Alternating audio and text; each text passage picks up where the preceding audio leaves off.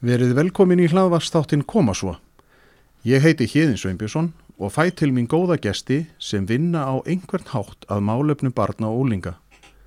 Það er ósk mín að þátturinn Koma svo virki sem pepp fyrir foreldra, fagfólk og aðra sem hafa áhuga á málefninu því eins og við vitum þá þarf heilt þorp til að ala upp einstakling.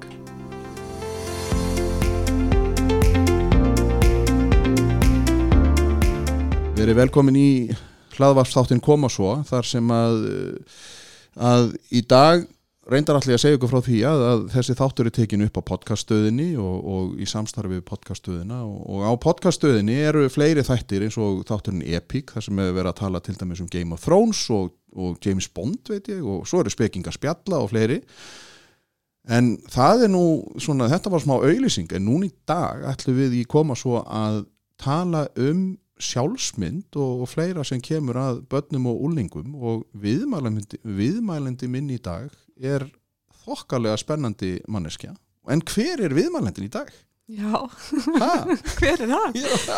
Já, ég heiti Þórdís, Rúnarsdóttir er sálfræðingur. Þú heitir Þórdís og Rúnarsdóttir og er sálfræðingur og hvað er, sko, ástæðan fyrir að þú ert hérna, það er að, að nú er ég að vinna hjá Reykjavíkuborg og ég fekk hérna svona meldingum sjálfsmynd.is Já, og fannst það mjög áhugavert af því þetta er náttúrulega svona að, að hjálpa og, og veita foreldrum aðstóð mögulega og fagaðilum. Mhm. og það er akkurat eins og þessi þáttur gengur út á að, að vera með smá pepp fyrir foreldra og fagaðila. En við skulum koma því setna því að við verðum náttúrulega að vita örlítið um manneskinu sem að, að situr hérna í heita sætinu já, sem er reyndar ekkert heitt af því þetta er náttúrulega bara við erum hérna í svona hugulegu kaffispjalli með reyndar sótavatn en já, það er náttúrulega alltaf Já, en segðu mér aðeins svona frá þér hvað, hvað er hérna skólagangan þín svona, hvað, hvað, hún, hvaðan ertu og, og svona, hvað, byrjar í fyrsta bekk? Já, sko, ég fættist nú Reykjavík en flutti bara mjög ung til Sauðakröks á Söðarkrókja og mín skólaganga hófst í barnaskólanum á Sauðakröki. Já, og va, va, hvernig, hvernig var það þá, já, kannski mannst ekkert eftir hinn í Reykjavík eða? Nei, ég var það ung, sko. Já. Við fórum, mamma og pappi fluttu norður og, og þar byrjaði hérna mín skólaganga. Og hvernig var hérna svona, er það ekki geggja, var þetta ekki bara, ertu þá svona, Já, var þetta er þá í sveitinni eða var, vor, staður, þetta, Sauðakrókur er indislega staður og Já. rosalega gott að alast þarna upp og hérna ég, að, nú verður svo mikið að tala um þarmaflóruna og hvað skiptir máli að hafa góða þarmaflóru, ég er alveg vissum að hún styrtist þarna, þarna var maður bara í fjörinni og upp í fjalli og sex ára Já. eftirlitslaus bara út um allt þarna og, og ég held að það hafi brátt góð áhrif á mig að alast upp þarna að vissuleiti, þó við fluttum reyndar í bæinn því ég var 11 ára en já, en áttum tíu cirka ár þarna. Eignaðist tvö sískinni eh, þarna og, og já, þetta er bara indislega staður. En er það ekki þannig að, að þetta er kannski svolítið svoleiðis að, að nú er þá, eins og ég er búin að komast að, að við, það eru nokkur ára mill okkar, já, en, en sann, ég ólst náttúrulega upp í það að, að vera þetta hérna í Kóbói bara, að það var bara einhvern veginn, maður fór bara út að leika og Já. fjaran Já. og svo var bara gólað, maður heyrði einhverja mömmuna Einhverja kalla bara matur! Og maður bara, ok, já maður hlýtti bara. Já, já, svo kom maður heim og þá var kannski ekkert maturinn alveg hjá mér en, en það skipti ekki. þetta er svolítið svoleiðis. Þetta er svolítið skemmtilegt að, að heldur að krakkar í dag upplifi sama hlut? Ég veit það ekki, að ekki Reykjavík eða Ekki ekki Nei. það er ég alveg vissum á Söðakröki kannski, Já, kannski er þetta ennþá svona. Já, ég veit það ekki en uh, já, ég held að þetta hafi verið, sko, ég held að á þessum tíma þá hérna það er svolítið verið að tala um þessu ofvendun í dag og hvað áhrif hún hefur. Já, og hún hefur náttúrulega haft þau áhrif að krakkar í dag eru ofta ekki að verða sjálfstæði eins hratt og fljótt og við kannski gerðum.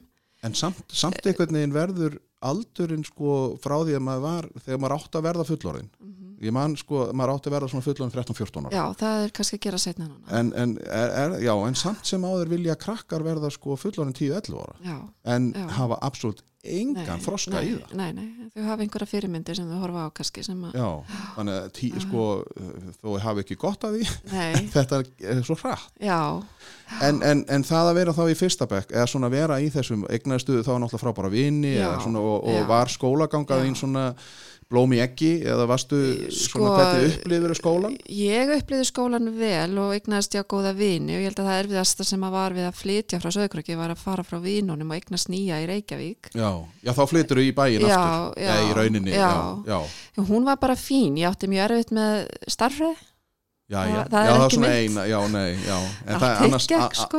já, annars var þetta bara svona, þú veist, að maður var bara í skólanum og, og maður já. þess og, og svoleiðis Og svo bara, þú veist, það var náttúrulega hérna körfubolti sem stýrir öll á Söðukröki og íþróttir, ég var ekki Mm. endilega í því, en skátarnir voru opbóslega miklir og stórir þarna Já, og og hestar, eða ekki? Jú, jú, hestarnir, sko, ég var ekki reyndar í því, en það var mjög alltum líkjandi, sko, það var bara, já, alveg, en hérna, já, það, ég hugsa, það var erfitt að fara frá söguröki, en kannski var það, hérna, einmitt, eðlilegt, þegar maður er 11 ára og byrja svona þessi prítín úlingsár að, að flytja. Já, en er það þá ekki líka, var ekki heimurinn þá kannski bara við það að fara í bara til fjandans eða er lent, er hvert fluttur og svo, svo fer náttúrulega eftir Sko, hvert þú flyttur Já, sko, við flytjum bara til Reykjavíkur, Já. þá er ártúnsholtið að byggjast upp Já, og við flytjum þanga, það, það er svona, við erum að hálgeri frumbyggjar þar held ég.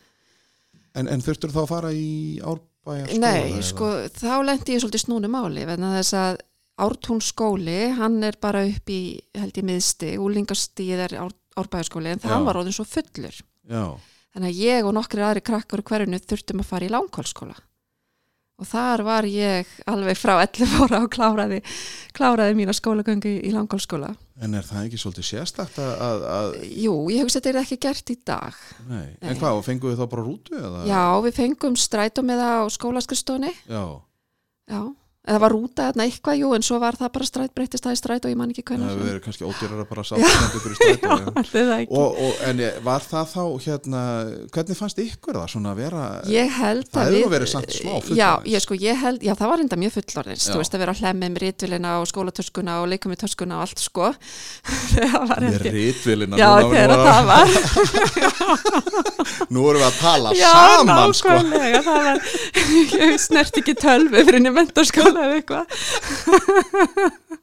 ég er alveg svo gummur. já, Já, en hérna, jú, jú, ég held að sko, ég held að við höfum öll haft mjög gott að þetta var alveg að mörguleiti bara allt í lægi, en að mörguleiti var þetta kannski ekki það besta svona félagslega, Nei. af því að þegar skólinn var búinn, þú veist, þá var maður bara að fara heim, en, en allir hinir Voru- voru, svolítið búin að tengjast og voru með vinina, en við Já. vorum svolítið bara í lengi vel, það var nú ekki allan tíman þannig, en lengi vel að finna okkar hóp og það var ekki döðvelt, sko. en hefði ekki verið eðlur þegar þið farið þá í vogaskóla eða, Jú, ég veit ekki okkur við var langkólskóli, ég, ég kannski eftir einhvern tíman að spyrja einhvern að því. já, ég, þetta er svona eins og að því að maður er nú að, að- að fylgjast með svona Game of Thrones og það er alltaf að vera að tala um bastarda þú veist hvað, voruð þið bara svona vill einhver taka hérna þetta fólk úr ártúnskóla Ég held þetta að vera svolítið þannig. við erum með eina fimm krakka, takið þau Við vorum eitthvað mitt, svona fimm. Já, ég veit það ekki. Ég, ég pældi aldrei það, pældi aldrei nýri. Þetta bara einhvern veginn var svona og maður bara letið þetta ganga og, og hérna, já, já. En, en, og, en hvernig var þá þessi ára að vera, þú veist, bæði það þurfa að fara, þannig að hafi, þetta hefur bara verið, þið hafi verið að eyða kannski klukkutíma, tveimur á Já, dag já, í strætó, með rítvilina, við skulum ekki gleyma rítvil, ég ætla að muna eftir þessari Nei. rítvil, Já, en, en, en og, hva, þú veist, hvernig er það eins og þú segir, þetta félagslega, að sko, sko, ég held að, en þið feng, fenguðu þá að vera saman í bekk? já eða nei, ekki alveg. Nei, var, við vorum heldur ekki öll saman í bekk. Þannig að þetta hefði bara geta haft afdrifar á, sko, Sko, fyrir, sko, bara Það- allt. það- Já, sko, svo er ég svona pínu introvert, sko, að Já. vissuleiti. Þú veist, ég er svona blanda bæði eins og sem margir endar eru, en um, þannig að ég var kannski, þú veist, þetta var kannski svolítið erfitt að flytja frá sögurkraki, vera pínu svona, þú veist, já, og og hérna, fá ekki, þú veist, einhver fór, eitthvað fullorðna sem svona settu mann svolítið inn í hópin Já, maður þurfti að gera það bara sjálfur. Já, já, á þessum árum var það bara þannig. og það tók tíma og, og, og en gekk alveg sko. En ég man bara samt hvað það var æðislegt að fara í MS þá svona almennilega tengdist maður þá, þá, varstu, þá vissuru náttúrulega, þá kannski þekkturu fleiri heldur hinnir þegar þau komu. Já, en þá líka svo fyndið að þegar ég fyrir MS að þá er meiri hlutin af krökkunum í mínum bekk úr, árbær, úr árbænum sko. Já, ok. Þá kynntist ég krakkanum í árbæn.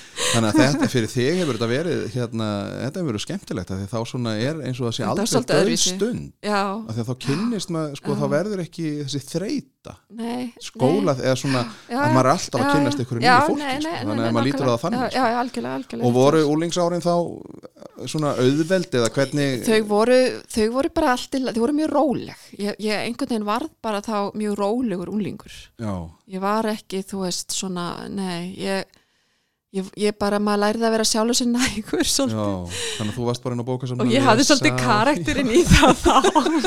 Það var kannski svolítið heppilegt Þannig að þú í rauninni hefur ekkert verið kannski að, að, svona djamma því þetta er náttúrulega er þú ert þá á væntalega á þessum árið þar sem já. og drikja og, nei, ég einhvern veginn skautaði svolítið framhjá því Já, sko. þannig að þú hefur kannski náð út af þessu, ég já, veit ekki. að þú hefur bara verið upptekinn í strætó með rítvil og passa hana. Passa ég er ennþá með þess að rítvil hann þetta er alveg geggja sko. Og ég kyn, og kynnast rónunum á lemmi og tala við það og svona, það var mjög áhugavert stundum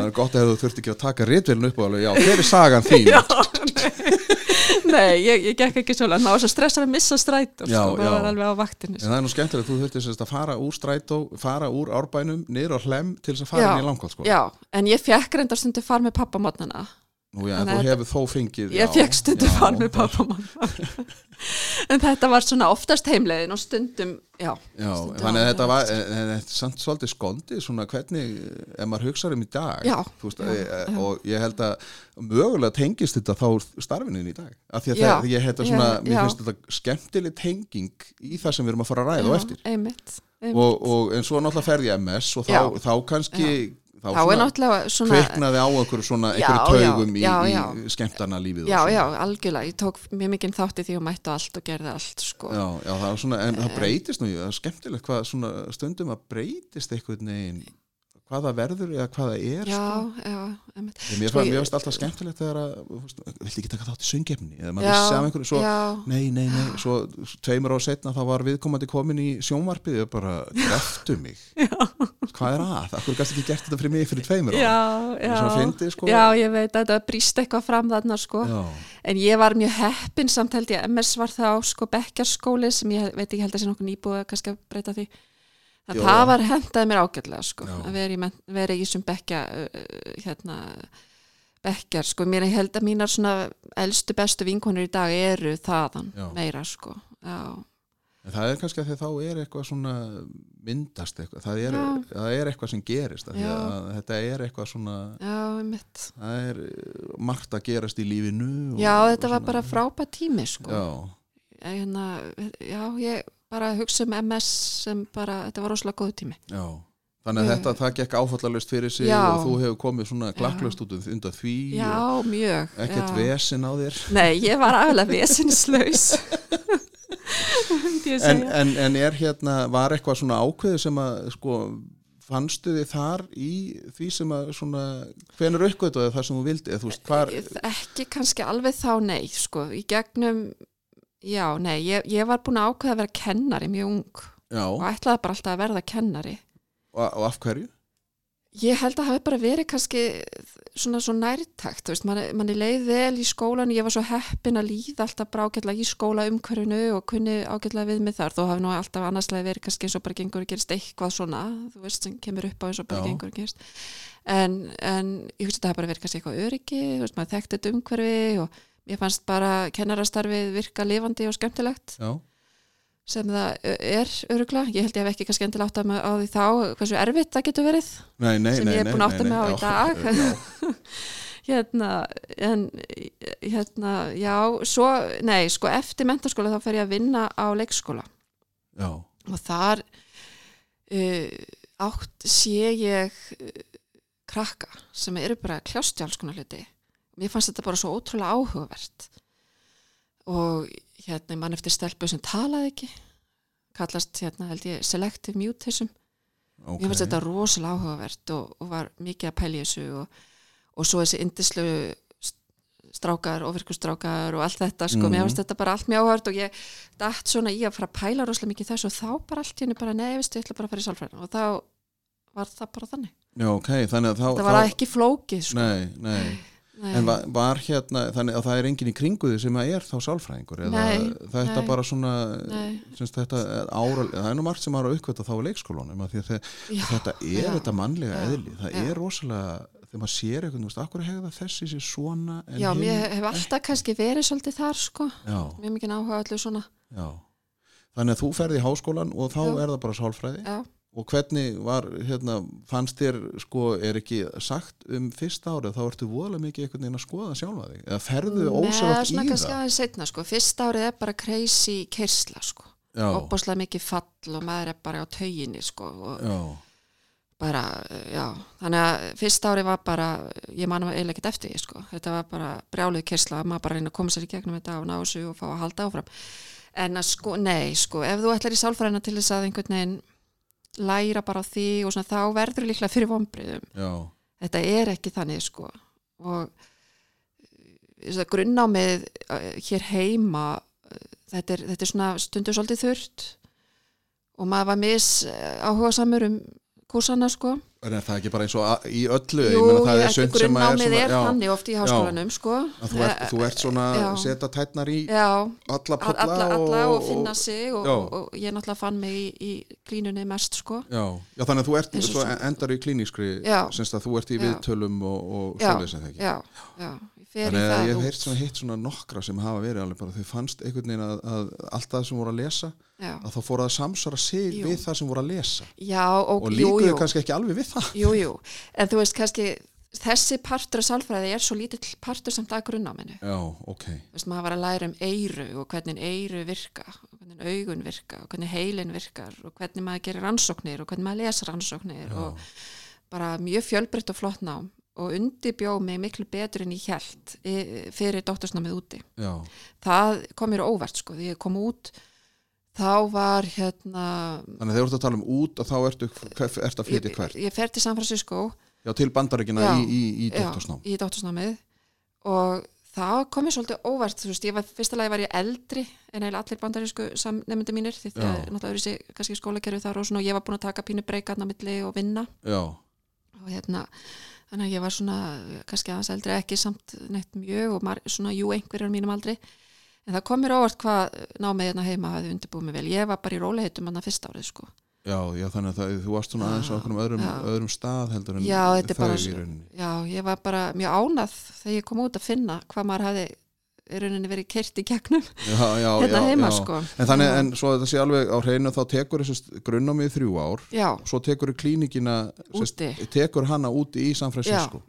Og, en, en svo þegar því, því að ég er svo gömul sko að þegar ég er að ákveða þetta að fara út þá var ekkert byrjað að bjóða upp á á eitthvað námi hérna heima. nei, en, en, en doktor þannig að þú klárar klíningin úti já, og ertu þá sko titlu doktor eða ertu þá, er það ánframhaldandi nám? Sko hvernig, sko nei, sko þetta eftir grunnám þá fer maður yfirleitt í master úr, sem er svona tvö ár og, Já. og svo yfir í doktorsnám. Og hérna og ég, fe, í- sko skólinn sem ég fyrir og í bandaríkjunum er þetta oftast bara ein heild já, og þetta er allt bara þú, þú fer bara inn í þetta og þú keirir því gegnum þetta og svo ertu bara komið svo dótturskráðu en það er kannski, sko, í bandaríkjunum eru tvær típur á dótturskráðum já, það er PhD sem er svona rannsóknarmiðuð Já. og þessu margir sem hafa klárað hana sem starfar líka með fólki. Og síðan er SIDI sem er gráðan sem ég tók já, hún er miklu klíniskar eins og ég var bara komin í starfsnám eftir að vera búin að vera hann í landinu í eitt mánuð á bráðamótöku í einu bara mest skeri hverfi í Ógland sem er mörder capital bandaríkjana í því hvað já, ok mörg ára að taka á móti fólki sem við lendi í, í hérna kynferðislegum verið naukunum og öðru. Og vissu og- fóriðurinn Nei, þau vissi ekki alveg. Eða, Jú, þau komin, jú, jú, ég sagði þeim þetta nú einhvern tíma en þau vissi kannski ekki alveg prinsessan já, keira þarna um, í hérna, hverfin þarna. Það var svolítið svona, maður hent bara í djúbulegina sko. bara fyrsta ári, bara strax það var bara hérna 20 tímar á viku í starfsnám og svo maður í skólanum. Já, þannig að ég valdi þetta námeila að þetta var svo maður byrjaði strax að vinna með fólki og, og það var svo mikið stór brú sem var á milli skólans og síðan starfsnámsins sem helst allan tíma Já, já, þannig að þú gæst alltaf tengt einhvern veginn fræðina Já, við, já, þannig að þú upplýðir eitthvað á passað feltinu eða úti á, þannig að í viðtölunum. Þá gæstu farið inn og sagt, veist, ég upplýði þetta já, það er þetta. Mikið passa upp á það, mikið handlisla báðum stöðum, og hvenar, hvenar klárar svo hvenar klárar þetta? Sko, ég útskrifaðist 2007 og þá fór ég í það sem kallast postdoc sem er svona ár sem að þú þarft að taka í bandaríkjunum til að fá starfsréttindi. Já, um, Já, þannig ég, þá fór ég það þannig ég kláraði postdoc árið síðar. Og er það þá til þess að vera geta unnið í bandaríkjunum Í- já. já, Já, ok, þannig að þú ert með svona já ég, ég, það eru tvö próf síðan sem þarf að taka sem ég Já. enda á því að gera ekki sko, við ákvæmum að flytja heim já, en þú, já, þú gætir mögulega hugsanlega kannski Já, Þannig já ég hef réttinn nána til að taka já, þessi próf já. já, já. En já, þannig að þú kemur heim og, og hvað gerir maður þá þegar maður svona, þetta hljómar eins og hafi bara lappað inn í krísuna, inn í, inn í kreppuna bara. já, já, ég gerði það ég, ég kom heim sko 2008 í Ég held ég að koma einn viku fyrir Guðblessi Ísland ræðuna, ég var heima hjá ömmu og, og þá var bara að keira horti og gámurinn okkar var á leiðinni til Hollands og þar átt hann að fara í Íslands skip og við virkilega pældum í því hvort við ættum að snúa honum bara aftur já, já, það er bara, herri, við ætlum ekki að taka hann. Nei, förum bara aftur út En þú hefur náttúrulega komist fljótt að því að það hefur örgvæntalega verið góðu markaði fyrir Já, sálfræðinga á þessum tíma. ég reyndar hafði ágjörð því, sko, það var ráningabann alls staðar, þannig að ég, ég var ekkert mikið að sækja, menn ég bara opnaði mína einstofu. Já, það ekki? Ég meina, neyðin kennir naktir Já, já, maður það reddar sér bara sér, já. Og það tókst, ég hefði ekki gert að, að nema því ég hafði verið í allri þessari handleyslu í Já. þessi sex ár þarna úti að nema að svona, ég upplýði mig kannski nokkuð tilbúna. Já. En, já, En svona, ég minna, já, já, ég menn það er náttúrulega bara þetta, Já, þú já, þarft að gera væntalega eitthvað, en, en er þá, ég ætla að verða nú að spurja, þá maður þinn væntalega, Já. er hann þá líka innan sálfræði nei, innar nei, hann er með MBA og hafði verið að starfa í Silicon Valley sem er þarna fyrirtækjum sem Já, eru þarna rétt við San Francisco. Já, tölvu dútarnir, Hann var búin að vera í því bara. þannig að hann er bara, já, þannig að þið eru alveg í bara sikkorum endanum einhvern veginn, Já, þannig að hann- er bara í gerfigreindinni og þú ert í, í hinnigreindinni. já. Þannig að þetta er spennandi samtöl sem þið eigið á kvöldin. Já, við, það, já, já, við erum sko, hann er einmitt alls ekkert þarna sko, en hefur mikið áhuga á þessu. Ég sé hann að slæði hann er að kaupa sér svona einhverja bækur á Amazon sem eru svona, já, mjög áhugaverðar. það hlýtur líka að vera svolítið að því ég var nú bara áðan að ræða við mann um, um svona þessa algoritma sko, sem eru sko, að gerfigreindin er búin að reikna út sko, hvað, Hvað- þér líkar við Já, við, Spotify, já, já. Audible eða hvað nota heitir og Facebook Storytel og. Facebook að það er svona þannig að sko og svo núna eins og að vera að koma í ljós að, að þeir eru farnir að sko stjórn stýr okkur inn á í kostningum Já, nákvæmlega, það er maður- svolítið skerri. það er nefnilega hæðslu efni að, að þú sko ert farin að taka það fram Já. yfir sko þína eigin sannfæring Já, Í rauninni. Já, það er sem að, að þannig að þið tvö gætur rætt þetta og, og Já. komið kannski með lausnin á þessu en þannig að þú ert með þína engastofu Já. og, og svo núna í dag að þá þú ert vantilega komin í eitthvað samflót með öðrum af því að þú ert þarna, Já, já, fannst nú nafnið á stofunni SH9 SHB9, Sálfræðingar höfðubakka. já, þetta er þannig ég var alveg Já, bara ég veit að það, já. við, við þurfum alltaf svolítið að útskýra Já, þetta. ég var sko. svona að ímynda með hvað reytar myndi segja SHB9 góðan dag Já,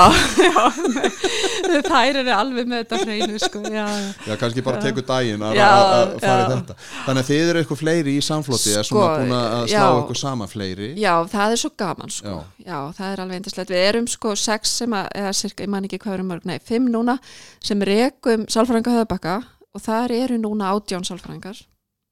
Já, þannig að þið eru svolítið svona Já. kannski er fólk er að leia stóla eða þú veist Já, að þið það- kannski svona Sko, það eru, það eru sem sagt 16 stofur og það eru 16 sálfræðingar í fulltime vinnu þarna bara. já, Svo eru einhverju, eru tveir sem koma á svona dagparta. já.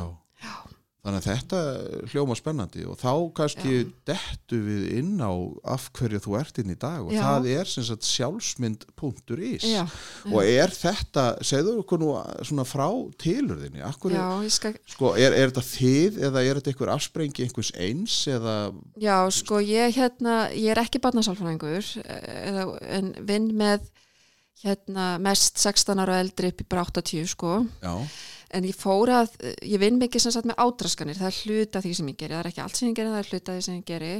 Og þær eru svona oft í yngri kantinu með þau. Um, ég fór svona að finna fyrir kannski uh, sjö árum að það var svona eins og væri eitthvað að breytast. Það var eins og þau væri oft bara í einhverjum álugum og það, þetta átti líka við um konur sem voru komnar yfir þrítugt og fertugt. Já, og þá fór ég svona allt í náttu með þessu með samfélagsmiðla og áhrifin áhrifanu sem þeir eru að hafa á, á þessa skjólstæðinga mína. Síðan fór að gerast það það var kannski að koma til mín skjólstæðingu sem er að fara að vinna úr einhver áfalli eða með kvíða eða eitthvað og segjum bara 40, 5, 50 eitthvað svo leiðis og allt í hennu fór hluta tímanum alltaf oftar og oftar að fara að snúast um börnin þeirra. Að segja mér frá börnunum þeirra sí- sínum og segja mér frá áhyggjum sem þau hafa af börnunum sínum og en, en, en voru þau þá að spegla kannski sig í börnunum sínum eða, eða var nef- sko ég, já, einhverju leiti en samt ekki að þetta er svo ólíkur raunveruleiki sem, að, sem að fólk er alast upp í. Já, það var meira fannst mér bara svona hræðisla og kvíði og stjórnleysi.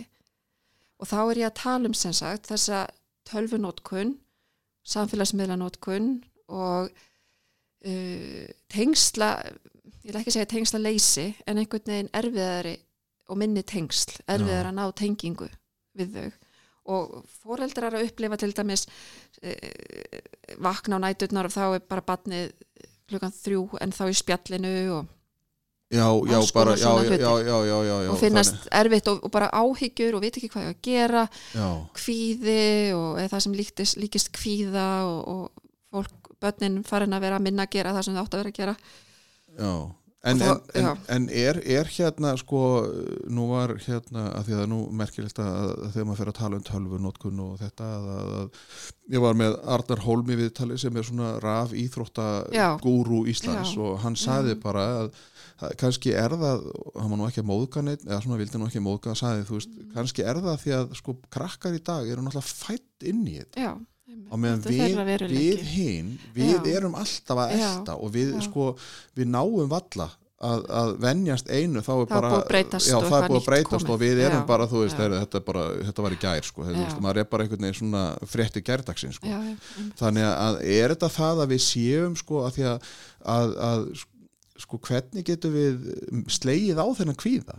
Sko að þetta sé kannski þú veist, við förum með börnina fótboltæfingar og við erum ekki stressuð í því að Nei. þau séu fótbolta frá 9 til 5 skilur, einmitt, þú veist, einmitt. en svo allt í neða það eru tölfur og þá er Já. það allt í Þá eitthvað svo já, Sko ég held þetta sé bara bæði. Ég held að við eigum ekki að gera ekki neitt og, Mhm. og ekki að fylgjast með þessari þróun og setja okkur inn í hana.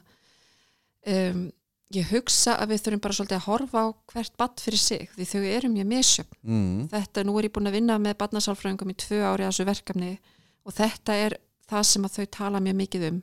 Svo er líka inn í þessu verkefni heimil og skóli og saft já, sem hafa skoðað þetta mikið. Og það virðist vera sem við þurfum kannski á, aðeins að slaka á. Já, tölvuleikir eru ekki hættulegir og við eigum bara að leifa þeim að vera í tölvuleikjum sem eru svona aldursmiðaðir rétt þá. Og krakkar eru mismunandi þar. Fyrir suma krakka er það áhættu þáttur að vera í tölvuleik mjög lengi en fyrir aðra er það bara allt í lagi Já. og ekkert mál og þau ráða fullkomlega við það og það er sem að okkur fannst þegar vorum að tala um þetta að sjálfsmyndin þeirra eða því sterkari sjálfsmynd sem þau hafa því betur finna þau bara sín eigin mörg sjálf En hvernig, sko, ef að, ef að við hugsaum um, jú, jú, sem foreldri að þá er maður alltaf stressaður yfir, sko, hvað verður úr börnunum. En, en hvernig, sko, hvernig hjálpar þeim að ná góður í sjálfsmynd? Ef að þú sjálfur til dæmis, eða sjálf, ert með eitthvað svona í farteskinu, því að það er náttúrulega, þú ert með þinn eigin bakpoka, má segja. allir bara Allir já, er með sitt og, og, og þú, sko að börnin, snillingar að pikka upp eitthvað svona, eitthvað óöryggi og, og vita hvernig þau eiga að spila á það en, já, já. en sko að því að svo kannski ertu með krakka sem er alveg óbáslega stert svona veit hvað það vill og svona á yngri sko upp í mennt, upp, svo byrja hormónanir að þá bara hrínur krakki. Já, já, og maður er alveg býtuð, þú varst ekki svona í gær. Eða það varst ekki svona í fyrra eða veist, sko, já, ég myndi segja að það væri sambland að því að halda svona góðum ramma Já. sem hendar barninu og vi, vík ekkit endilega svo mikið frá honum en hafa hann ekki of stífan. En góðan ramma mm, og síðan bara tengslin já, að ef þú ert alltaf búin að vera ef þú ert að vinna í tengslunni þínu við badnið þitt já, þá eru meiri líkur af því að þegar að hormónanir kikki inn að þá sko megi þeir bara flæða og allt er góð með það og, og hérna það er ákveðin tilgangur með þessari uppreisn og þessari sjálfstæðsbaróttu Já. sem skiptir máli í þroskaferlinu. En við sjáum bara að ef að tengslin eru einhvern veginn þarna það eru samtöl, það er ekki bara tilmæli, já, heldur það eru samtöl og það hefur verið bara þannig allan tíman þau voru ára var samtal um hluti og, og, og eftir því sem þau bara eldast þá er svona einhvers konar hefð í fjölskyldinu fyrir því að, að, að það sé talað og það sé átt samtal og það sé hlustað. Já, og þess að þegar ég til dæmis er að koma til mín krakkar sem eru kannski 18, 19, 20 ára og e, oft þá kannski ádraskana tengt e, þá upplifa þau oft ekki hafa þau oft ekki endilega upplifa þetta þau hafa oft verið að upplifa opbúslega mikil bara svona tilmæli e, eða svona einhvers konar tengslaleysi. Já, ekki öllum tilfellum en mörgum. Og þeim hefur oft bara heila, það sem ég fyrst krökkum stundum hafa vantað er að þjálfa með þeim bjargráð. Að þau Já. viti hvað þau eiga að gera þegar eitthvað gerist. En, en er þetta þá að því að við erum sko, það er náttúrulega talað um í dag að, ég ætla nú ekki að segja, hundlega að segja alltaf að sem þeim sé pakkað í bómul en ég meina, er þetta ekki orðið svolítið hættulegt þegar maður er að heyra um að foreldrar eru farnir að fara með átjánara krökkum í ekki sko, sko hva, hva, hvar eru sko, hvenar eigum við að slepp og segja bara, heyrðu, nei, ég ætla ekki að fara, sko þú veist, við gerðum öruglega fáranlegustu hluti sem mátti alveg öruglega ekki gera þú veist, ég meina, hvað er ekki meira spennandi en að fara að príla í einhverju, Já. á einhverju byggingasvæði Jú, jú. þar sem að er alveg, Jú, þú mátt alveg gjörsanlega ekki vera. Já, en, en, en það er þetta sko sko, þetta læra reynslunni. Já, Já. En, en sko þetta með sko að treyst ekki eh, ég komst að því um daginn komst að því um daginn þetta er eins og ég sé sko að komin á ellihemilið mæðra tips á Facebook. Sko, veist, af hverju þurfum við að vera í einhver svona, sko, af hverju treystu við ekki sko, því, innsæi? já, því að vera já, sko foreldrar, Já. ég meina þú þetta er bara stærsta tilfinning í heimi. Já ég, ég, ég veit ekki af hverju það hefur svona einhvern veginn farið að stað þetta. Það, það er hérna það er alveg rétt að það er einhvern veginn það hefur aukist þe- þetta með bómulina sko. Já, um, við erum með verkefni til dæmis á síðinu sem heitir Sigla en það er hins vegar bara verkefni fyrir foreldra. Já, þar sem þau eiga bara aðeins að íhuga það hérna eh, eru þau einhverjir, einhvers konar þroska þjófar eins og stundum með eh, orð sem stundum notaði yfir þetta. Já, að ætla um, það er eitthvað sem hefur gert að verkum að við bara einhvern veginn treystum ekki okkar einin sæða og við treystum ekki alveg börnunum okkar heldur til að retta sér. Já, að þau geti bara alveg, þú veist, verið átt ára að labba heima æfingu í rigningu. Já, að því að, já, já, það sem að er náttúrulega alveg ótrúlega því að maður náttúrulega gerði þetta eða, þú veist, það, þú veist, og eina sem getur gerst er að þú verður bara veikur þú veist, og það er, þá er það bara, þú veist þá hlýtur það bara, gott fyrir líkamann að takast á við það. bara, ég meina, sko vandamál verða og sásök í lífinu þetta segist, er ofta eitthvað sem við þurfum að tala um við skjólsæðinga mína, eh, sem við tala um við þá er að við erum oft, mér finnst svolítið eins og við séum komin í einhverja mótstöðu gegn því að það eru hlutir sem munu gerast í lífinu sama hvað við reynum að koma veg fyrir það. Það kom Ég- upp erfiðir hlutir og það bara hefur alltaf verið þannig og mun alltaf verið þannig. Já. og döðsvall er náttúrulega eitt af því til dæmis að það, Það er náttúrulega eitt bara þú veist já. að þetta er veginn við svona stýrum því ekki sko, Nei, og, og, og það er nú svona skemmtilegt að segja frá því að Karl fæði minn, hann, hann ég, hérna, var nú 27 ára held ég þegar að ég kom heim frá Danmarku, því ég var í námi þar og hann þá sagði hann mér sko að bróði sinn hefði dáið. Já, og hann var sko fættur 1913 bróðurinn já, Já. Veist, hann pappi var einna nýju sko. Já, og það átti bara jarðan daginn eftir sko. Og ég alveg, pappi, ég, ég, þú veist, þú ert búin að vita lengi ég er að koma heim. Og svo, og ég alveg, hvenna dó hann? Og það er 14 dagar síðan. Og ég alveg, pappi já, maður veit aldrei hvernig þið trippin takið þessu. Og ég alveg, hann er bróðir þinn. Sko, þannig og ég var alveg svona akkur hefur held hann að ég myndi fara úr límingunum og mér, finnst þetta óbúslega sérstak já, að segja mér ekki frá þessu að sko, og það er held ég það sem að hefur náttúrulega gert það að verkum að ég með mín börn náttúrulega, veist, auðvitað vill maður ekki. Já, maður vill að þetta hafa mömmu og Já. pappa eins lengi og þú getur Já, já. og allt það. En, já, en er, er heldur þetta sé að því að við erum eitthvað svona uh, hrætt við að, að, þú veist, að þau eru að horfa á eitthvað myndir eða veist að það er einhvern veginn svona þú einhvern veginn gerir eitthvað þá bara lifnar aftur við eða veist, hvað er það sem að sko börn er vel eitt höndla dauðan oft betur en fullornir já, mér ok mér finnst þau bara þau læra þetta er eitthvað sem þau frekar læra held ég já. að hræðast heldur en mér finnst oft bara já, En nú er, nú er til dæmis eins og sko, svona aðskilna kvíðin sem kemur náttúrulega, veist, að maður heyrir að það eru krakkar sem að bara get ekki Já, sko, já. hugsa sér að vera, veist, út af að þá náttúrulega eru það að kikka inn, sko, já. heyrðu, býtum við, ef ég gisti þarna og svo gerist eitthvað, veist, það er nú oft svona það er oft bara líka eðlilegt sko. Það, við þurfum ekki að fara á límingunum alveg með það þó bara fara í aðskilnaði kvíða sko nema að verði orðið, sé orðið þannig að það er bara alveg sjúklega eða hægt að sko er það. En það er bara eðlilegt að öll börn fari gegnum held ég, flest börn fari gegnum svoleiðis tímabil. Já. Hve- En hvernig er eins og með, þú veist, þegar þú ert að tala við eins og þú segir að þú veist með einhverja einstaklingar sem eru 17, 18, 19 ára já, og er að tala um þetta samtalið hafi ekki átt sér stað já, og ef að samtalið hefur átt sér stað að þá er það svona með einhverju skipunum og svona og svo byrjar það kannski 13 ára. Já. Er það ekki svolítið seint í rassin gripið? nei, ekkit endilega sko. En verður maður samt ekki að byrja svona eins og segir, þú nefndi 6 Jú, ára veist Jú, að maður, sko, þetta, þetta við erum með sko, við, við letum þetta alveg miðast við fyrsta bekk, en við vitum alveg að það er sko uh, það eru fóreldrar leikskólabatna að nota verkefnið þarna. Já, segluna Já, eða, bara já, að, þarna, sko. og ég er alveg hvet fóreldra til að fara þann inn og Já, fólk að þetta er, já. það er fullt af, Fullt af skemmt- fullt, af verkfærum sem þú getur notað. Já, sem að, sem að hérna, einmitt, sko nei, ég held að auðvitað já, það er best að byrja snemma. Já, en uh, það er aldrei, sko, krakkar eru svo móttækileg, þeim, þeim langar flestum að eiga samtöl við fóreldra sína.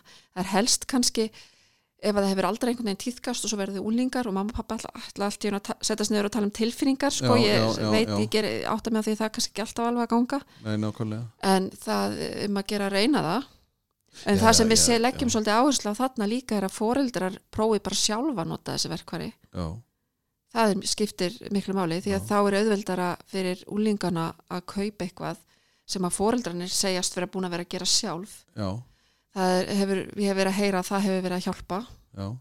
þarna. En sko já, byrja að snemma. Ég er til dæmis búin að vera að heyra um það. Mér langar svo að vita hvaða leikskóli þetta er. Það er einhver leikskóli hérna á höfuborgarsæðinu sem er að kenna leikskólabötnum samkend gagvart sjálfum sér á bara mjög einfaldin hátt bara einföld, einfaldar æfingar eins og við erum með á þessari síðu. Og þetta finnst mér algjör snild.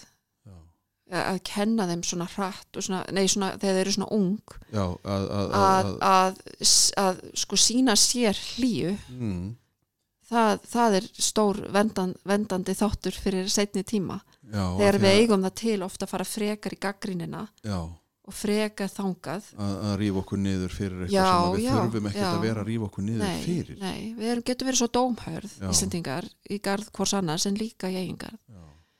Og það er, það er nú minnum mig á að, að því að ég var nú að tala við hérna, hitti bandaríska konu um daginn og vorum að tala svolítið um svona sko hamingju, því hún nefndi sko hamingju og hún var alveg, já, danir eru hamingju samæstur og svona, já, og ég var nú alveg, já, þeir eru nú örugglega bara að ljúga, af því að, að hérna, sko, þegar ég bjóðar, það fyrsta sem ég hyrði það var að ég ætti ekki að halda að ég væri eitthvað. Já, ok já, og þá tala þeir um jantelófin, sem sagt lögmál jantes. Já, og þetta eru tíu lögmál og þú skalt ekki halda þú sért eitthvað, það er bara fyrsta lögmál já, ok. Og þú skalt ekki halda að þú getur hjálpað okkur eða, já, og þetta er alveg ótrúlegt að, að sko maður finni þetta. Af því að allir hafa alltaf eitthvað að- fram að færa. Já, og, og þess vegna er svo gaman sko, eins og ég hef nú oft sagt að, að, að í mínu starfis með úlingunum að þá, mér fannst alltaf þeir sem gerðu uppreist mér fannst þeir alltaf langt skemmtilegst að það var eitthvað, þú veist, ég gat náttúrulega að hleið sko, svo var Já, ég bara, æ, þeir eru svona miklu skúlar sko, að, að maður svona einhvern veginn veist, og svo var maður alveg, þú veist, en þið geti náttúrulega ekki gert þetta svona af því að þá fáið náttúrulega alla á baki. Já, sko, úlingar eru frábærir sko. Já, já, og það er, þú veist, og það er náttúrulega nákvæmlega þetta að, að svo er maður að vinna í samfés, samtöku félagsmyndstöða og, og, og þetta með söngkeppnina og, og sko standa eitt fyrir, ég hefði dáið Já, já, þú veist, Já, að standa eitt fyrir framann sko 2500 manns í sjónvarpinu líka. Og, og það er þetta sko hvað hlutinir hafa breyst. Já, en ég held að krakkar í dag eru líka, eru þau ekki bara miklu mér samt í tengslum við, sko þau eru fljótar að segja nei ef þeir líkar ekki eitthvað? Já, þau eru algjörlega sko, jú þau, ég myndi halda það. Og mér finnst þau, við erum náttúrulega, sko þau byrja mjög snemma til dæmis líka að vera í alls konar hérna fótbolta, eða, sko svona fyrir utan skóla dansi og hinn og þessu þessum þurfa að standa svolítið sjálf ekki bara í skólanum heldur líka fyrir utan skólan í hinn og þessum áhugamálum flest hver, er, þetta er náttúrulega þessi íslenska leið. Já, hún, hún, einn, sko, hún eh, er talin snúast mikið til dæmis um þetta að tómstundir urðu eh, miklu algengari sem fóreldrar jafnvel voru að taka meira þátt í með þeim. Já. það, hérna, samveru stundir fjölskyldunar jökust þar urðu fleiri já, þegar þetta fór að stað og það greinlega virkaði þannig að þau kannski verða svolítið svona, þau fá aðtigli og þau þurfa að æfa sig.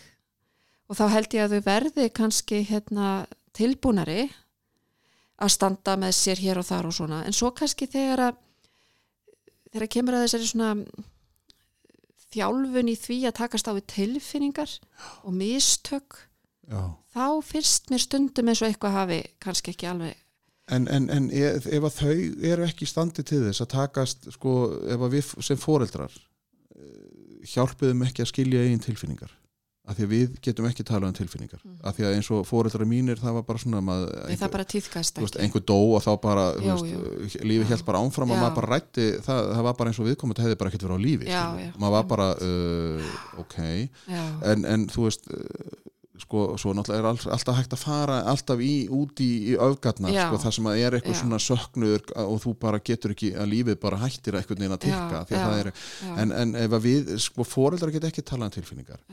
Og, og svo náttúrulega þetta ef að mótlætið sem að við erum að tala um sko, að það sé alltaf búið að svona að, Eð, eða redda því einhvern veginn sko, að- að, að, að sko, hvar eiga foreldrar að stíga sko, hva, hvar gerist þetta á lífsleginni mamma og pappi fóru aldrei á handbóltileik með mér þegar ég var krakki sko.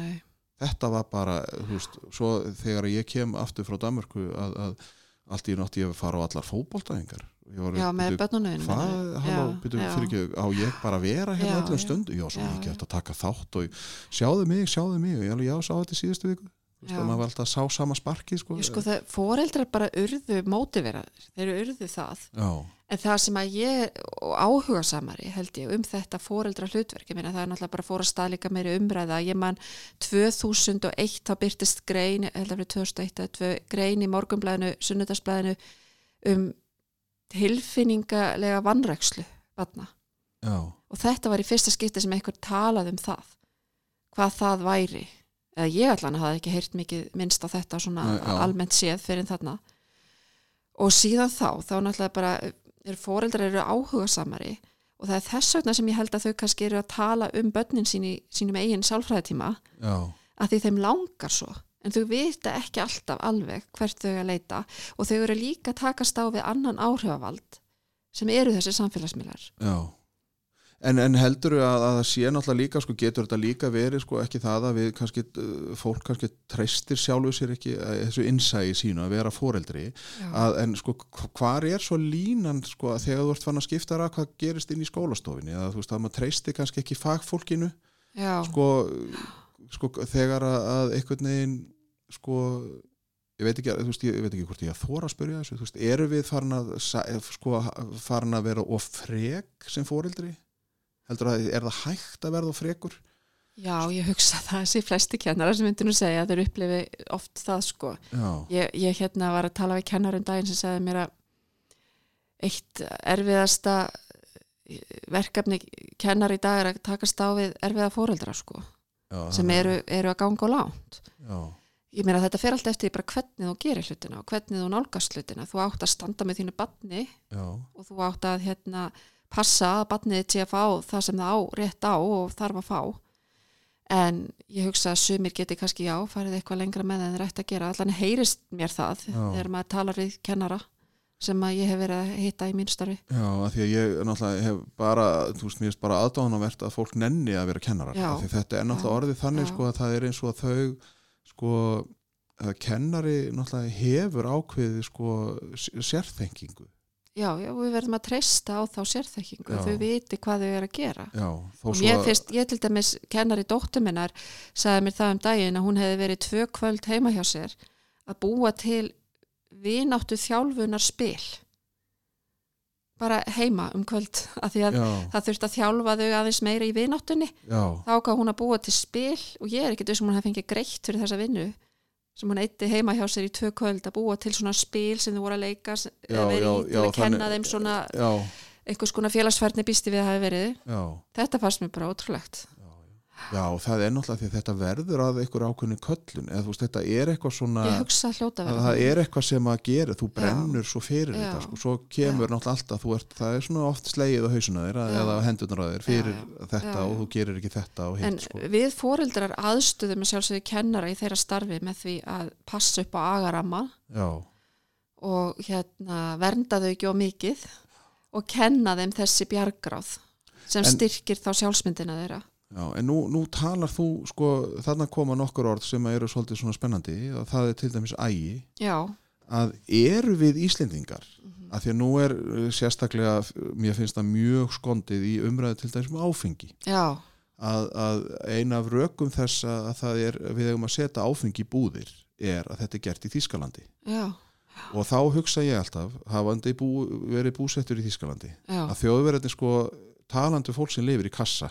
veist, það er bara ákveðni rammar já, og það er ekki já. viki frá þeim ramma. Já, en við erum, erum þannig. nei, af Nei. því að við sko reglur hjá okkur lög og reglur er þú veist, við bara brjóta þær, Þú veist, ef það er engi bíl þá kannski keirum við rauðu eða já, skilur, það, veist, hvernig eigum við ef við erum ekki með hennan aga sjálf, já, sko, hvað er ægi, er, sko, getur myndir þú, sko hvernig myndir þú kenna fóreldrum aga já, sko nú er ég ekki barnasálfrængu sko, en ég myndi halda með við það sem maður hefur verið að skoða og hugsa um sjálfur já, þá held ég að það væri rosalega gott að byrja bara því að vera samkvæmur sjálfum sér.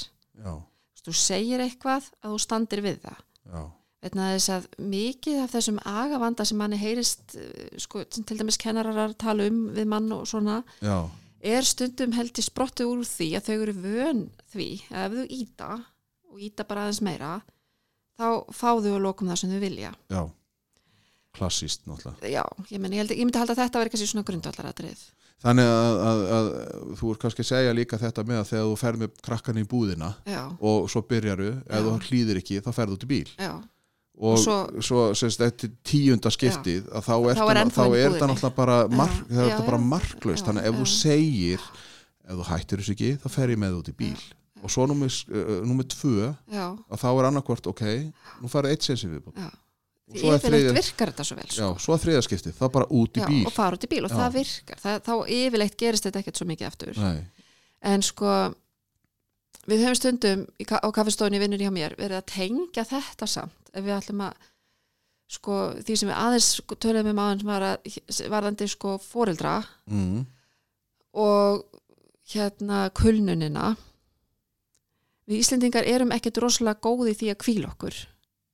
Við, við vanmetum kvíld að mínum að og höfum gert lengi, það er bara svona aumingjálegt eitthvað. Já, en þessi kulnunum, allir að tala um kulnunina og þetta svona, en þetta er ekki neinn klísja, maður sér það. Þetta er actually, að mínum að bara mjög, uh, þetta er alvarlegt þetta bara gerast já, það er bara óvinni mikið um þetta og Já. það er ekki eitthvað bara búið til. Um, ég get ímynda mér að vera foreldri með tvö, þrjú börn og, og vera í þess streitu miklu umhverju sem virðist vera greinilega á mörgum minnustöðum að koma heim já, og þurfa svo að takast á þetta. Þetta er ekkit mjög auðvelt en, en hvernig sko en við þurfum samt að gera það Já, Já. Við, já, við þurfum að gera, menn það þetta er náttúrulega okkar val að Já. við viljum náttúrulega koma með börnin inn í heiminn og við viljum sína að, við getum og það sko svona þessir hlutir að því að þetta er náttúrulega líka það sem gefur lífinu lit og, og þú vilt börnuninu fyrir þau Já, besta sko en, en það að- er náttúrulega sko erum við í rauninni barndvænt samfélag myndi, myndi, sko upplifir sko þegar þú hittir allt þetta fólk.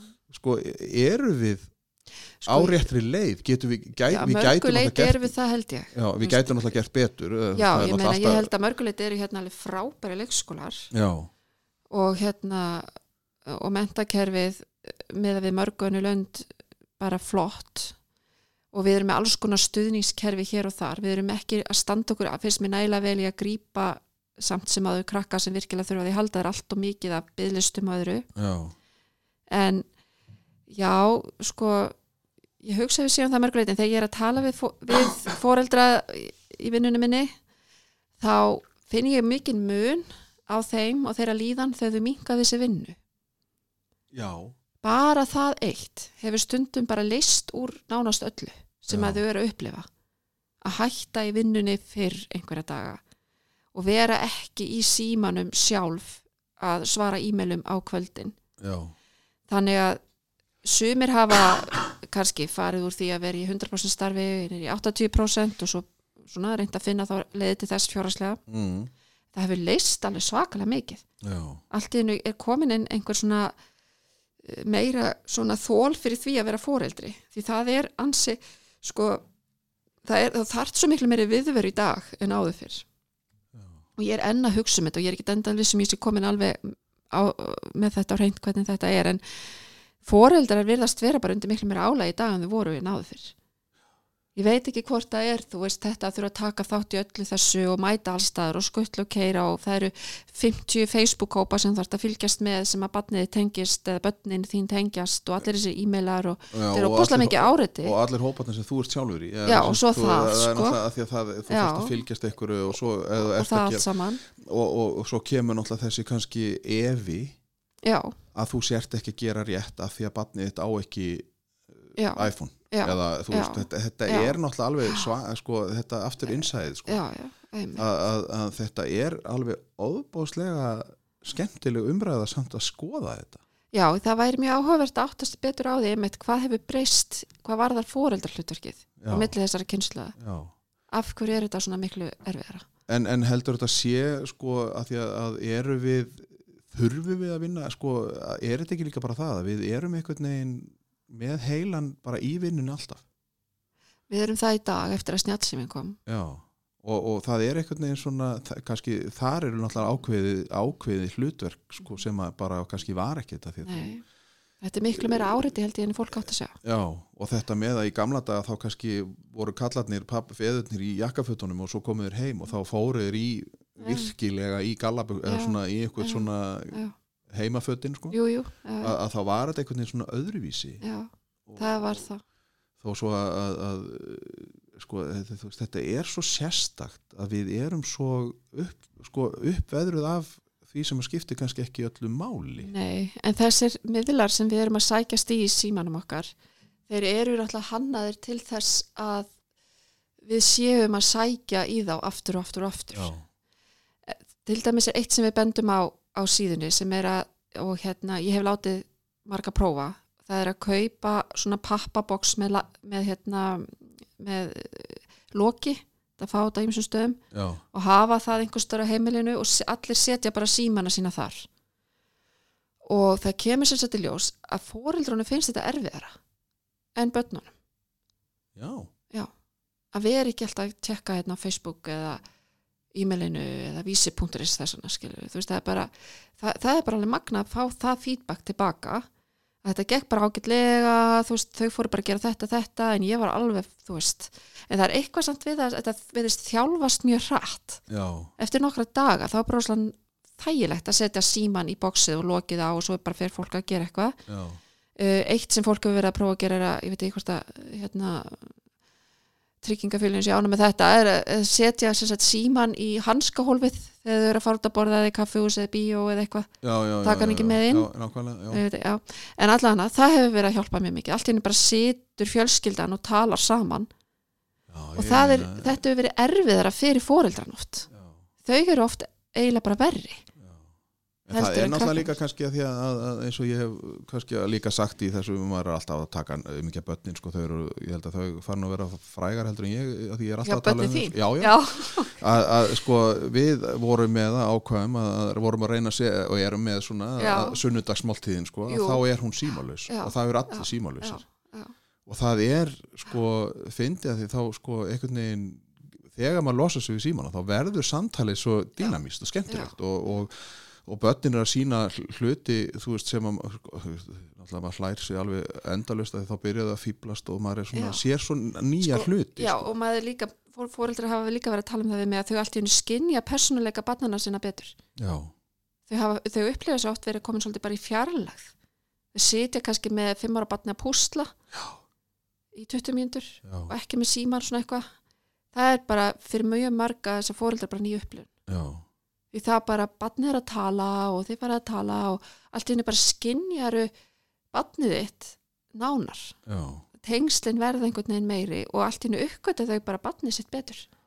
Það er alveg henni komin svona eh, gjá oft Já. þarna þetta lítur náttúrulega bara að vera eins og þegar þú fer með stelpina inn út í garð og ferði í fótbolta eða sparka bolta eða það veist, hvað það er skilur Já, já. þetta já. að já. gera eitthvað saman og, ef, ef, við að, ef við ætlum að búa til góð tengsl þá verðum við að sinna þeim. Og þá má ekki vera þessi þessi hérna þessi, þessi hlutur sem er alltaf að taka aðteklina þína frá tengslunum.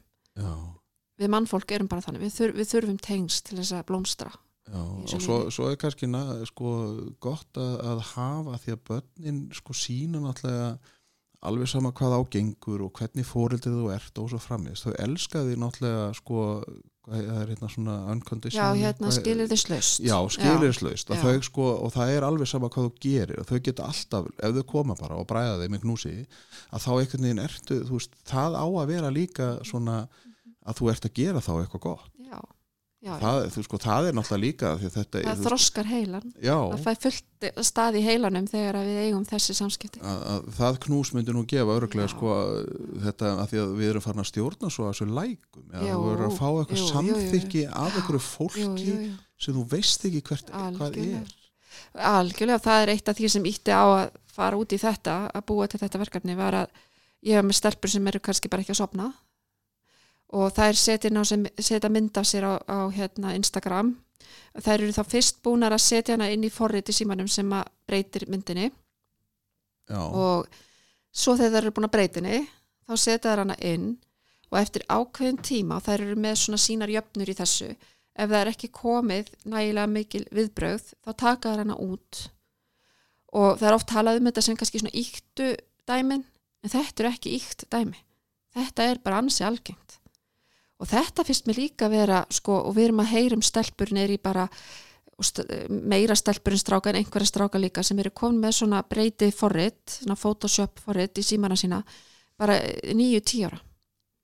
Og það er ekki gott ef þú ætlar að sko að freista þess að batnið trói með sér sterka og góða sjálfsmynd og, og líkansmynd já þá er þetta ekki hérna að fara að hjálpa En þá komum við kannski að þessu með að, að sko eins og að, að nú eru reglur, ég meina Facebook, þú mátt ekki vera nema, þú verður að vera 13 ára þegar ekki? Jú, sko, ég held að og- flest og þeirra eru flestir með þessi 13 ára Jú, En já. Mhm. hvað er það sem að þegar að við, næ, já, þú veist, það er ná frænda í Danmörku, eða, veist, hvað er það? Eða, sko, af hverju getum við ekki bara sagt nei og staði við það?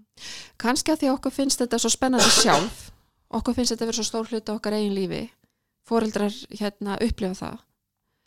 Að það, við ætlum ekki að einhvern veginn, við viljum að þau upplifi líka þessa gleði, ég hef heyrt þetta uh, sagt sko, þetta sé ástæðan fyrir það var endalega sagt já, en það er líka bara þessi, þessi hérna þrýstingur badnana sjálfra, það getur verið bara svo erfitt að standast það er suðið. það er suðið það er, getur verið mjög dramatíst En, en þá kannski komum við líka að því að því að ég, þegar ég var að skoða síðun eitthvað sem að mér finnst bara, þetta er alveg listilega, veist, það er svo margt þarna sem að er, bara, vá, það, veist, þetta er alveg, sko, Já, þetta er fullt svolítið af mikið flottu, flottum, já, Já, með- mjög skemmtilega svona, veist, og fyrir miðstig og úlingastig eða svona hennan aldur, hvað þú ert að, að, að glíma við, ef þú hefur köllum þetta þannig.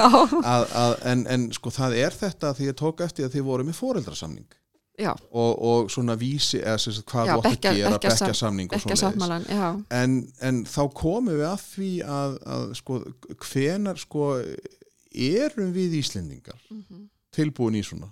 Er Já. þetta sko að því að, ég veit ekki alveg. að, því að það, það er þetta með þú veist, já, Já, veit þau náttúrulega, þú veist, að það er alltaf svona undirliggjandi að, að mitt batt getur nú alveg verið með þetta svona.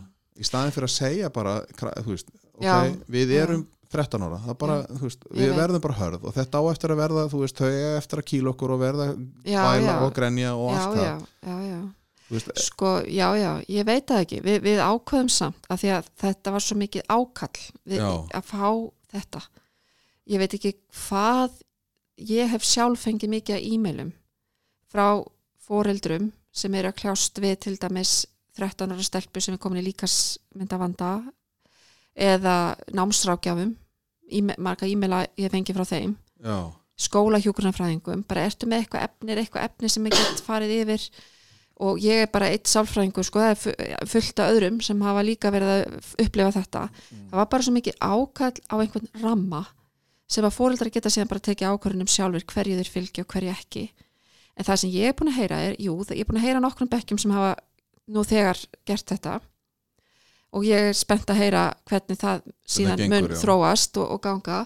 En það sem ég hef líka heyrt frá er, eru sko fóreldrar sem hafa verið að segja við mig nei sko þetta myndir ekki alveg gangi í bekknum sko en ég fann þarna að það sem ég er búin að vera að reyna að gera er rétt. Mm, ég er sammála því að barnið mitt eigi ekki að nota síman fyrir vekjara klukku og ég er sammála því að, að hérna, setja þennan ramma á nótkunnina uh, þó að ég held að fæstir sér að mæla tíman sko hverjum degi bara en það er hann ekkit endilega skiptir öllu máli. Mm, um, til dæmis hefur landlæknisembetið verið að leggja áhersluði mitt á það og, ég, og við erum sammála því að það er svo margt annars sem skiptir máli en akkurat mínúturnar og klukkutímanir já, sko. já, já, já, en, en hérna þau hafa þá verið að segja mér það þessir fóreldrar að þau eftir að þetta verkefni opnaði að þau hafa verið að lesa þá bekka sáttmálan yfir og hugsað bara ok veist, ég, ég er ekki alveg vissum að þetta myndi gangi í bekknum mínum það, þetta, það myndi ekki eða bekknum hjá banninu mínu.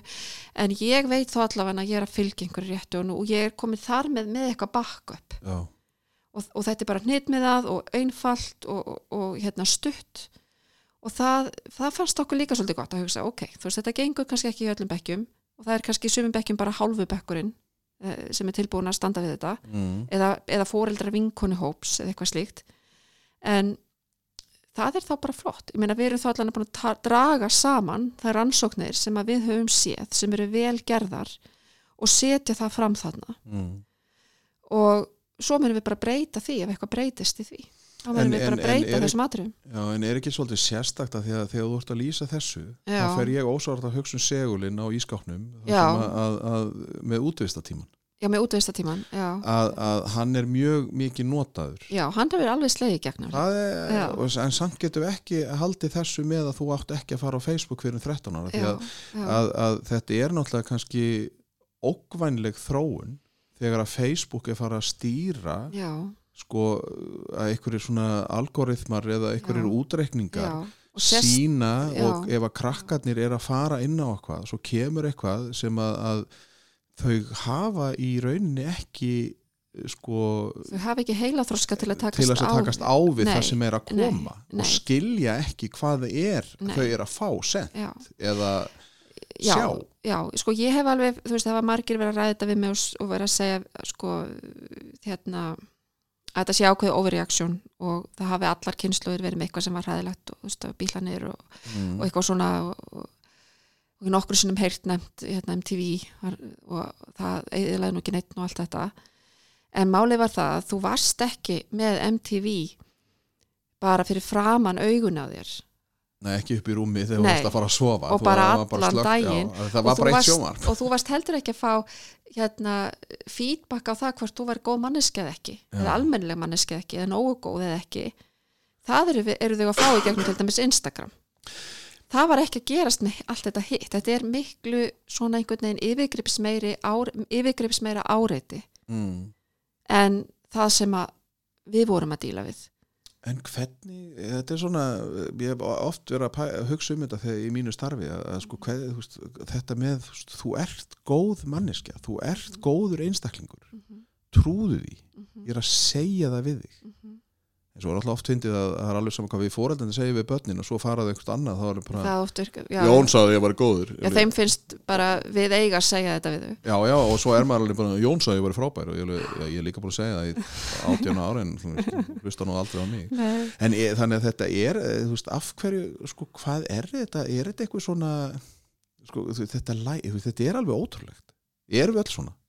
Að meinar þá að- vera undir þessum áhrifum þessum álögum af Já, læk- alveg, alveg sama, þú nafnum. veist, alveg eins og, og sko, foreldrar okkar eða, þú veist, e, sko, kynnslóðirnar að, að svona, Já. þú veist, við höf, leitu við í þetta? það skiptur okkur máli að öðrum líki við okkur Já, algjörlega að við séum samþykkt á já, eitthvað. hátt. það gerir það og, og þegar þú ert úlingur þá þau eru svo mikla hópsálir Já, og, og þau þrýfa svo vel í hóp þá skiptur svo miklu máli að hópurinn samþykki þig. Það er bara mikið undir ef hann gerir það ekki.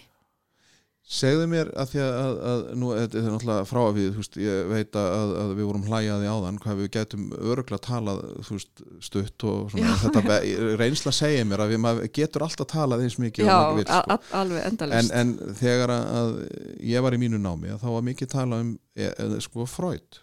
Já, og, og það var bara sagt, þú veist, liggur við, þó að hann sé hundgamall, þá er hann svona, hann er svolítið svona undirliggjandi já, já, já, já. svo var talað um Eriksson og, það, og í rauninni sko ég hreifst svolítið af þeirra sko hvernig þið settu upp sko aldurspilin að 0 til 30 ára þá er að gerast eitthvað ákveðið já. og það eru svona krísur sem að börni þurfum við kannski að fara að, að bara posta þessu líka svolítið svona sko að á úlingsárunum þá ertu bara að ganga í gegnum eitthvað ákveðið þú Já. veist, ég meina einu sinni þegar við vorum krakkar þá var Já. náttúrulega bara, já ok næstu þrjú árin þá ætla ég ekki að tala við því að þetta er bara fasi sem Já, þú ert að fara í gegnum já, já. Veist, ég ætla bara að býða eftir því að þetta Já, klarist. ég hugsa að þetta geti kannski verið rétt hjá sko. við fóreldrar séu kannski með minni tolerans fyrir eðlilegum hlutum sem eiga sér stað á hverju þroska skeiði og þyrftu Já. mögulega að fræðast meir um það, já.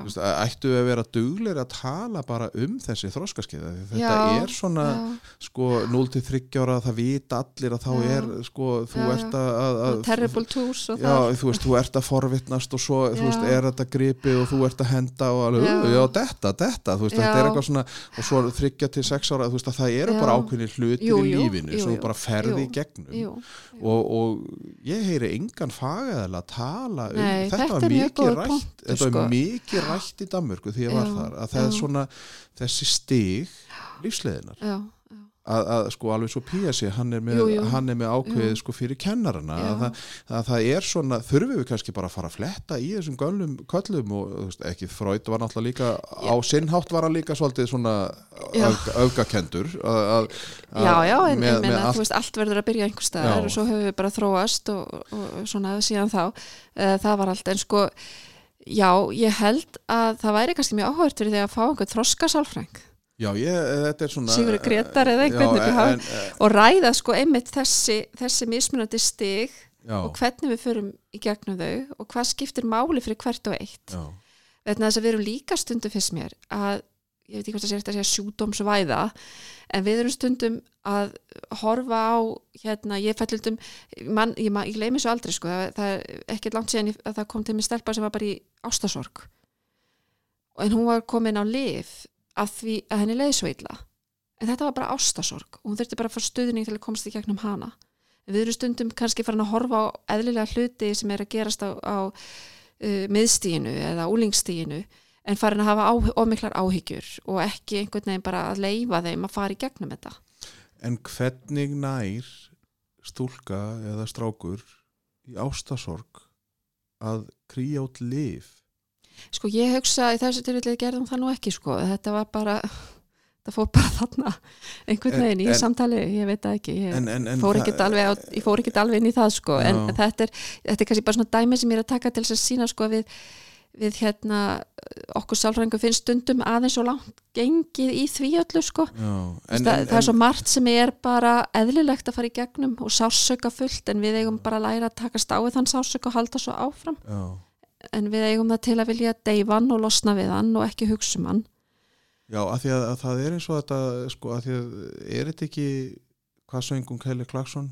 What doesn't kill you makes you stronger? Ég meina, þú veist, Já, þetta er bara já. svona hluti sem þú verður að fa- margt af sem að gera, þetta, þú verður já. bara sterkari persónleiki sérstaklega við erum meðvituð um ok, þú veist, það, það er eitthvað sem gerðist og við verðum meðvituð um að skoða það. Bara hvernig líður mér, hvað er ég að hugsa hvað er best að gera núna?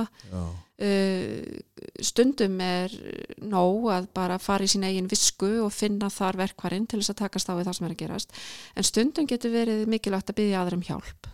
Og það er stundum erfitt fyrir suma að gera það en, en, en þá kannski komum við aftur að þessu samtali að, að meina Já, að þegar já. að foreldrar myndu kannski segja við börnin sín já, svo kannski svo áttu eftir að vera eldri og svo eignastu kærasta og svo hættur um kærastan og þá gerist eitthvað. Já. en það er bara eins og þetta sé ekki sko partur af prógraminu. Hjá mörgum er það þannig af því að ég, ekki það, ég hef alveg heyrt það að, að, Já. að sko, ég hef reyndar hef heyrt af einstaklingu sem bara fara nú geðdild af því að þetta bara, Já. sko, slærður svo út af Já, læginu þetta að þau bara vita ekki hvort í hvort Já, fótum þau að já. stíga en það er líka kannski stundum er ástasorg úlinga ekki tekið nú alvarlega sko, hún er náttúrulega bara virkileg sorg og, og alveg jafn mikilvæg en svo skilnaður einhver sem er orðin 35 sko. Mm. Það þarf að tala um þetta og sína um stuðning. En þú ert náttúrulega líka í ákveðinu það er aftur að þá ertu náttúrulega á eh, veist, það sem að Eriksson var að tala um. Hvað er að gerast á þessum árum? Og ég meina hormónin er náttúrulega flæða og það er bara já, já, allt í hennu gerir, galopperar bara eitthvað tilfinningar bara út og söður já, og, já, framheilin er náttúrulega ekki full þroskaður sko hjá strákum fyrir kannski 25-26 og stelpum 23 kannski. Já, og ímsar aðra tengingar þar á milli í heilanum með þetta, já, þetta er svona primitíft já. primitív viðbröð Þannig að, að þetta er, er, það er margt að, að ég skil vel og ég hef nú sagt að, að, sko, handbók foreldra mm. og það gætur örugglega verið sko miljón bindi með sko þúsund já. blaðsíðum hvert og þú myndir samt ekki vita neitt Nei, í nei. þinn hau- haus sko Nei, en, nei, en, nei, ekkert en- barn er eins heldur nei, nei, og svo er það náttúrulega líka þú eignast þrjá, þrjú, þrjá krakka og það er bara uh, þetta er bara eins- og þetta er bara eins og guluröðu grætt og maður veit ekki meir sko. Já. já. og það er náttúrulega, svo náttúrulega líka því að þú eins og allir segja að fyrsta barnið er svona, þú veist, það er alltaf gerast og þetta er nýtt og svona, Já, svo kemur miðbarnið og, uh, og svo þriða barnið það bara, já, Já, já, og þá er allir hini brjálæra því að það, en, en er eitthvað svona sem að, að, að, að sko, hvar gætu við byrjað? Hvar er það sem að sko eigum við að byrja á svona fræðslu að að, að, og ég segi enn og aftur að því mér finnst þetta rosalega skemmtileg síða hjá Mhm. okkur að því að það, það er svo margt þarna þó svo að innsæðið samt ég hef alltaf þannig Já, treystu þér já. sjálfum já, fyrir því að þú ert að gera rétt fyrir barnið þitt. mhm, svo lengi sem þú ert náttúrulega ekki að skada Já. meina, þú, þú væntanlega segja við barnið að það er að fara með puttan í eldin að, ú, ú, mhm, þú, veist, þú þarft ekki að fara inn á einhverja síðu á Facebook til þess að segja mhm. barnið mitt vil fara með puttan inn í eldin Nei, hvað nei. ég að gera já, já, en, en og innsæði kemur kannski líka hvað ætlar að velja að nota þessari síðu mm. og þá þarfst að þekkja barnið þitt og nota þetta í innsæði þegar þú ert að velja það en, en, en hvað er að byrja sko, hvað, þá náttúrulega, þú veist, við erum búin að koma niðurstan af þessu samtalakar Mhm. myndi vera þá að byrja að tala eða svona eiga samtal og sína náttúrulega krökkunum áhuga og vera ekki hrætt við. Að ræða hluti. Og ekki hrætt við sálfræðina og allt sem hún hefur upp á að bjóða. Já, það hefur líka svolítið loðað við okkur. Finnast þetta svolítið svona væl og vittlisa og eitthvað agalega væmið allt saman. Uh, hún hefur upp á að bjóða svo margt og þó þú sért ekki sálfræði meðferð hjá einhverjum þá getur þú nýtt þér svo margt sem sálfræðin hefur sett fram já. eins og allt sem þarna er. Bara nýta þér hérna þá þekkingu sem til er En, en, en er að því þú segir þetta ég meina, eru samt foreldrar sko, verðum að svolítið fegin því að, að greina barnið? sko, Já, hann er með kvíða eða hann er með, hann er með Ég veit ekki alveg með það sko. ég, ég er ekki alveg sem að kannski þeir fóreldrar sem hafa verið að takast á með erfiðar aðstæður heima við Já, verða stundum fegin að fá greiningu því það skýrir og þá vitaðu oft í hva, hva, sko, hvernig landakorti snýr og í hvað áttu að fara sko, og maður skilur það um, Ég finnst kannski frekar fóreldrar vera ánæð með það að sko að vita það að það er oft bara þetta samtal sem að virkar. Já, og þau þurfu oft ekki að verða sálfræðingar sjálf til þess að sinna þessum málum heima. Og það, það er nóg að bara einhvern veginn þóra að tala um tilfinningar já, og þekkja þær, vita hvernig maður á að bregðast við þeim, læra fleiri orð til að lýsa þeim. já Þetta til dæmis sérstaklega um stráka finnst mér. jú, jú, og þeir eru Þeir eru annarkot pyrraðir eða góðir. já, Já, ég er góður eða ég, ég er reyður. Þú veist, það er oft svona einhver tvö orð, þrjú orð sem þeir eiga þannig sko. Ég held nú reyndar að, við var, eða, sko, að það væri komin lengra reyndar, ég fekk nú áfallið ég byrja að vinna í, aftur í félagsmyndstum 2002 þegar allir, sko, fyrsta ásatíðin held ég, eða fyrsta jólabalið Mm. og allir strákarnir komið í bleiku skýrtum og ég held ég væri bara komin í Já, eitthvað já. allt annað gýr sko, því að eh, náttúrulega mínu ungdami þá var bleikt fyrir þá sem voru samkynniði sko. Já, já. og, og þá var ég bara, wow, þú veist, þetta já, er bara ekki. Nei, nei, og þá nei. þetta eitthvað svona maður bara, já, ok, þetta þetta ekki, er svona litur já, bara, já, veist, en, en samt sem áður að, að, að oft ræðu við og hlægjum að því við hjónin að þegar að krakkarnir já týpura sem Já, sagt, og, já. og að, að þau komi heim og strákurinn alveg harð neita að fara í raut já, af því að það væri sko stelpulit uh, og aldrei sko Jú, rættu, jú, við við, rættum aldrei liti. Nei, nei, þau, þau læra þetta bara annars það sko. held samt í dag er hann mest í rauðu. Já, eins undarlegt bara það já, já, veist, þannig að þetta hefur en, en þetta er svolítið svona sérstakt en, en mér finnst allavega að þetta er skemmtilegt samtal Já, sko, að, að... ég myndi segja með fóreldrarna þau eru kannski eh, hérna, ekki endilega alltaf að leita eftir einhverju greiningu endilega, en þau eru sum sumir fóreldrar stundum að leita eftir því að rétta manni barni sitt og retta þú þessu, já, af því að þau sjálf ólust ekkit endilega upp við það að, að tala um tilfinningar eða skilja til dæmis tengslinn sem er á milli hugsan og tilfinninga. Já, átta sig á þessu, vita hvað sjálfstal er. Þau, maður skilur það. Þetta er, þetta er fólk sem kannski ólst ekkit upp við þetta sjálft og lærði þetta ekki. En, en, en eins og ég segi mér finnst foreldrar í dag svo áhugasamir og þeim langar svo mikið að gera þetta rétt og þeim langar að læra þetta. Já. Það er þess vegna sem ég held að þessi síða sé að fá þessa nótkun sem hún er að fá. En við verðum alltaf líka átt okkur á því að, að það er náttúrulega, þau eru verkfærið þau eru, það er þau sem að, að sko, foreldrarnir eru það. Já, af því að þess barn er ekki bíll. eh, nei, af því þú, þú, get, þú fer með bílinn til bifiravirkja en þú Já. getur ekki farið með barni bara og sagt, heyrðu, retta þú barninu mínu? Nei, en sko, til dæmis eins og dóttir mín, hérna, hún, henni, mér finnst alltaf ná, ná best til hennar þegar ég reyna, við erum að ræða einhverja hluti, þegar ég gef henni dæmi um mig þegar ég var lítil já, og útskýr ég að svona, svona gerist eins og svona, þá ger ég þetta og kannski ekki alltaf nákvæmlega rétt sko, en, en, nei, nei en bara maður er að segja henni svona, þá alveg bara tek, nær hún þessu öllu sko, já. að því að við, já, við þurfum að nota okkur sjálf sem ákveði verkfærið En og, það við ekki- getum það, Já, það. getur já, það og það er náttúrulega líka þetta bara að segja, þú veist, ég, mér líkar þetta ekki að því að, eða Já, sko, ég, mínar til, veist, mér líður svona þegar þú gerir svona. Já, já. og, og að, bara að alls sko, konar svona grunn veist, já, já, bara, þetta, já, já, og þetta er náttúrulega bara, veist, Já. að, að það sé svona, þannig að, já, að, að ég, ég finnst þetta bara búin að vera heljarna samtal, að það er bara, ef eigin uppistæðan er samtal jú, jú, og ég vona svo sannarlega að því að mér sko, ég var svo ánæður eitthvað en því ég sá, mér fannst þetta mjög áhugavert og ég hvet náttúrulega alla til að fara inn á inn á þessa síðu að því þetta er og mottoð ykkar er hvað sterkar en þú heldur sterkar út í lífið nei sterkar út í lífið að Já. það, ég var nálægt í var svona já, þetta var bara næstu Já, þannig að ég mun posta náttúrulega segja ég því ég er nú með Facebook síðu svona, Já, já. ko- koma svo á Facebook síðuna og setja fyrir þetta það. það inn og svona og.